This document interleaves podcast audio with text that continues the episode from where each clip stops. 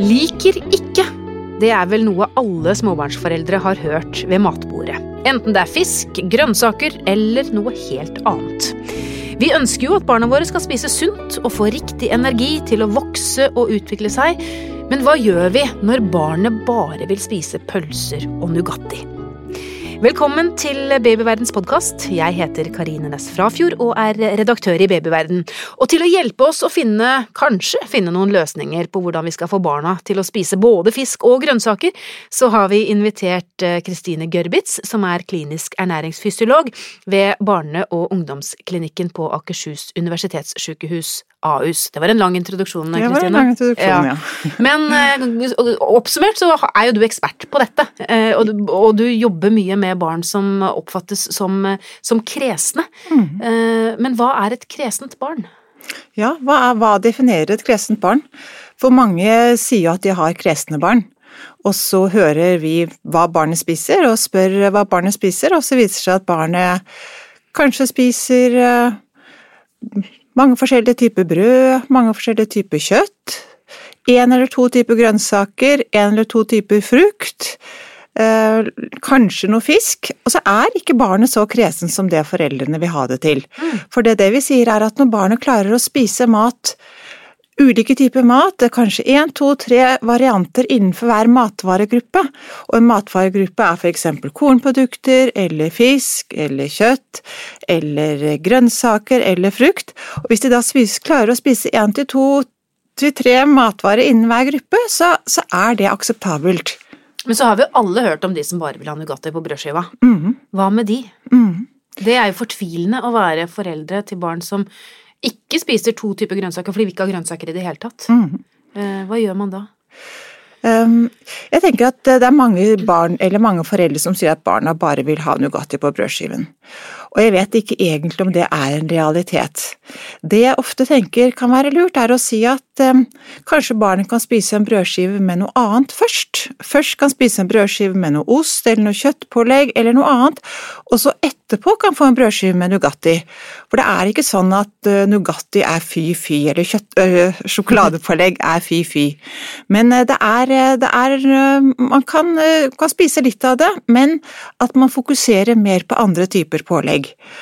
Og, så det å få et spise sjokoladepålegg, det behøver nødvendigvis ikke å være noe man ikke skal tillate.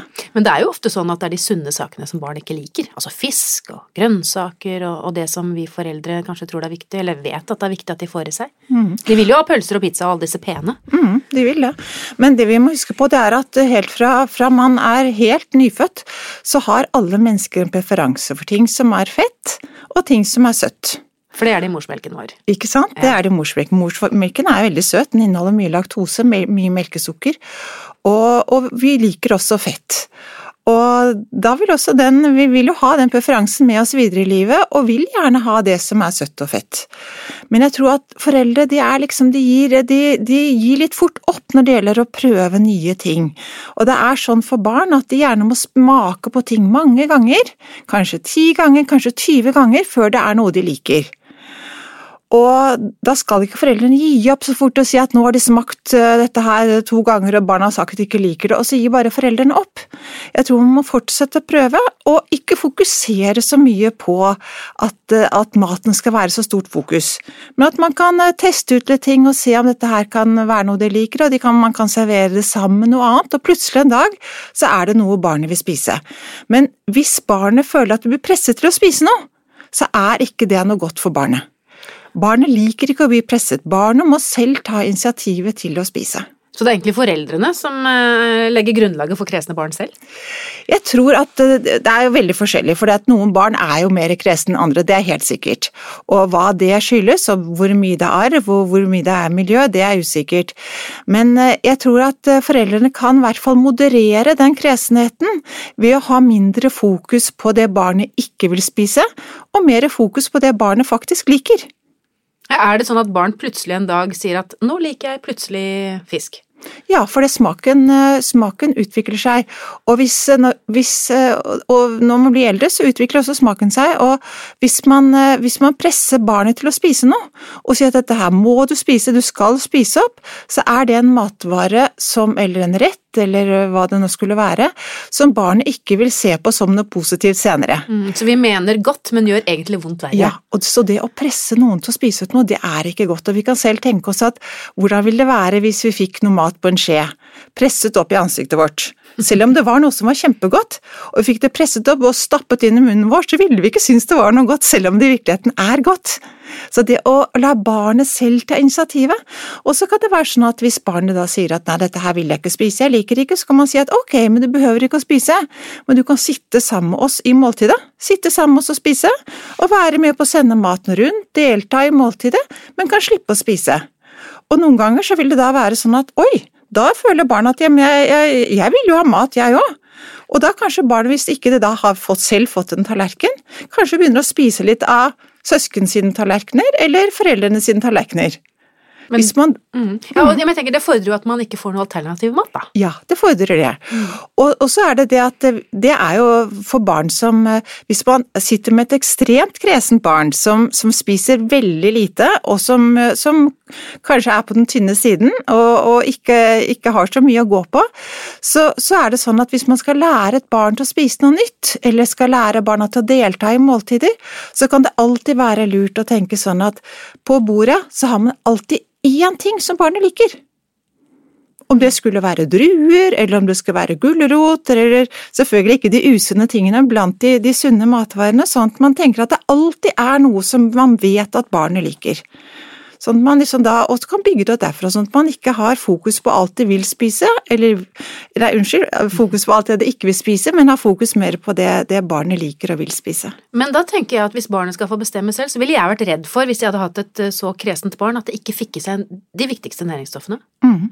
Men, men da, må man, da må man være, sette de grensene og tenke at dette her, innenfor disse rammene, så kan barnet få lov til å velge.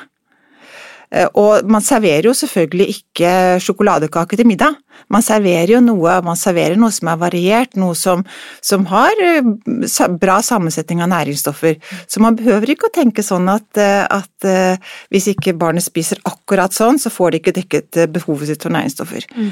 For det er det, det, kan man gjøre på mange ulike måter.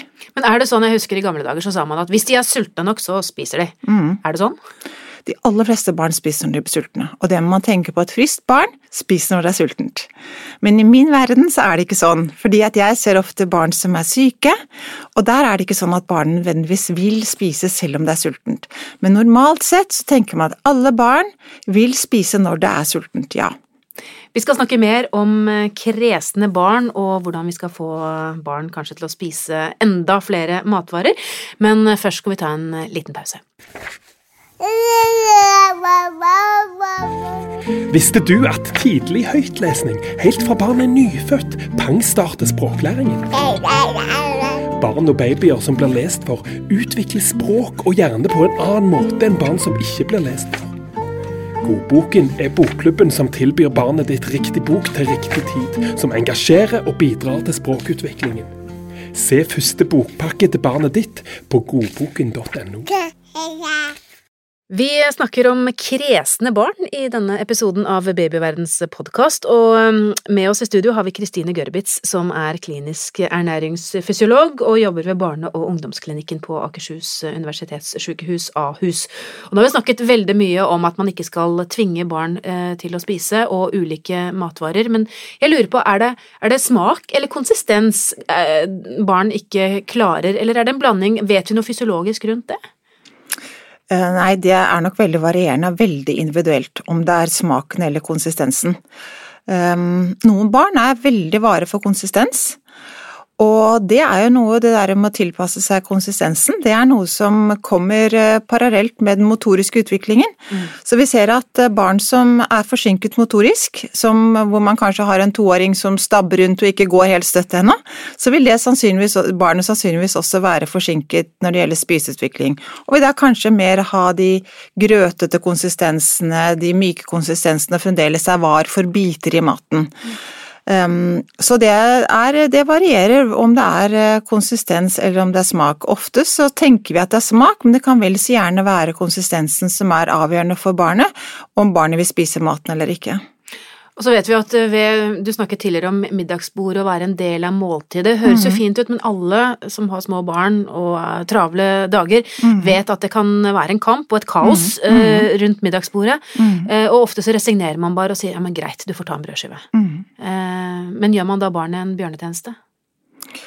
Eh, det å ta en brødskive istedenfor å spise kjøttkaker, det er ikke noe dårlig alternativ. Det kommer litt an på hva man har på, hvilke pålegg man har på brødskiven.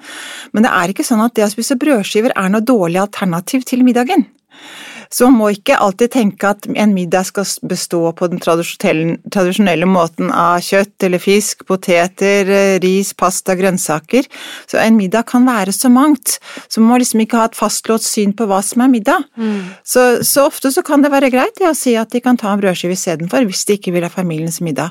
For det jeg syns blir feil, det er hvis eh, et barn ikke vil spise middagen, og så reiser mor eller far seg opp og begynner å lage en alternativ rett. Mm. Da tenker jeg det alternativet kan være en brødskive, men de, hvis ikke de vil ha maten, så kan de få et alternativ. Vil du ha en brødskive? Hvis ikke de vil ha den brødskiven og heller ikke vil ha middagen som serveres i familien, så, så tenker jeg at barnet kan sitte ved bordet en eh, kort periode, og så få lov til å gå fra, sånn at barnet ikke forstyrrer de som sitter igjen og spiser.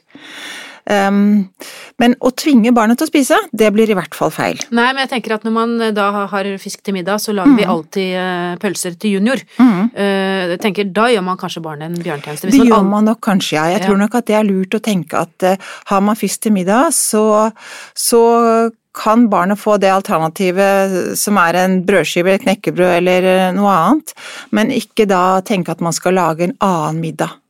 For dette med spising er, jo sosialt, og mm. man spiser jo ikke bare hjemme heller. Mm. Uh, og ofte så kan det vel oppleves uh, vanskelig sosialt hvis man kommer et sted og barnet ikke vil spise maten som blir servert hos mm. andre. Mm.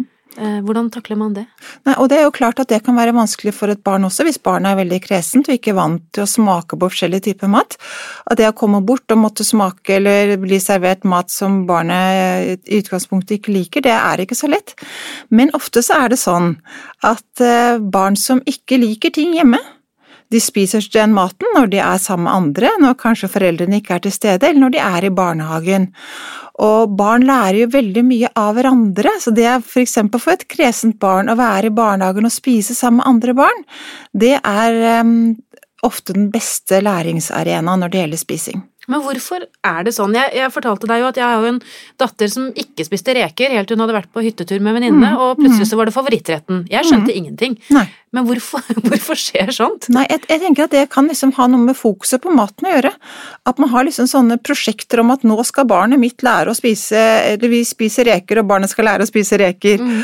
Og så når barnet får velge selv, så har det, med, har det med valg å gjøre. Plutselig så fikk datteren din velge selv, da. Og hun fikk velge selv at hun ikke skulle spise reker. Det var ikke noe hun liksom som var middagen den dagen, eller som ble servert hjemme, men hun var blant likesinnede og skulle gjøre som de andre gjorde, oppdage plutselig at oi, dette var jo godt, jo. Og det viser jo også at dette med smak, dette med spising, det er, det er noe man endrer smak, man endrer preferanser med ettersom tiden går. Så, så da likte hun plutselig det som hun trodde hun ikke likte. Og det betyr jo at eh, selv om man er kresen i matveien som barn, så er man ikke nødvendigvis det som voksen? Nei, det behøver man ikke å være. Men ofte så når jeg snakker med foreldre til kresne barn, så sier jeg hvordan var du da du var liten? Og veldig ofte da så sier foreldrene, en av foreldrene jo, jeg, jeg var jo kanskje på samme måte og jeg spiste veldig lite og det var lite jeg likte, men uh, som regel så går, uh, går man dette av seg etter hvert. Men, eh, men, eh, mange foreldre har vært kresne selv og vet at det ikke er så enkelt. Så, så, det er liksom noe med den der arvelige komponenten. Så man har liksom Det med kresenhet kan jo da ha både sammenheng med arv og miljøet man lever i. Mm, og så må man kanskje prøve å utfordre både seg selv og barna litt, kanskje, hvis man er kresen som forelder også. Mm. Absolutt.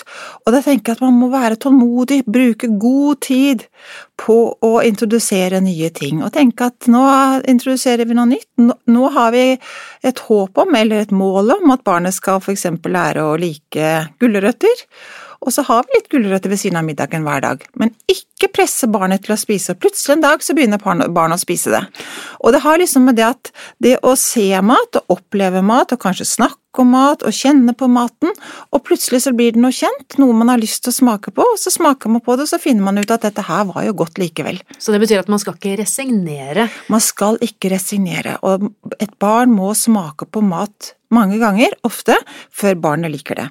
Og det å skape en positiv setting, positivitet rundt det med maten og med måltidet, er kjempeviktig. Sånn at det blir noe hyggelig, noe godt, og det, som, det å spise skal være noe hyggelig, det skal være noe godt, det skal ikke være noe man blir presset til å gjøre. Så det er, er liksom det med positive rundt måltidet er veldig, veldig viktig. Og det var en fin avslutning. Tusen takk skal du ha, Kristine Gørrbitz, klinisk ernæringsfysiolog som altså jobber ved barne- og ungdomsklinikken på Akershus universitetssykehus. Hvis du lurer på mer om dette temaet, finner du mange artikler på babyverden.no og diskusjoner med andre foreldre i Babyverdens forum. Hvis du ikke allerede har lastet ned appen vår Gravid og barn, så anbefaler jeg deg å gjøre det med en gang. Så kan du følge utviklingen til barnet ditt tett, dag for dag, uke for uke. Hvis du er opptatt av graviditet og barn, så kan det også være lurt å abonnere på Babyverdens podkast. Send gjerne kommentarer til oss på e-post. Adressen er podkast at babyverden.no. Men husk at vi som lager denne podkasten, er journalister og ikke helsepersonell, så hvis du har medisinske spørsmål, må du ta kontakt med jordmor eller fastlegen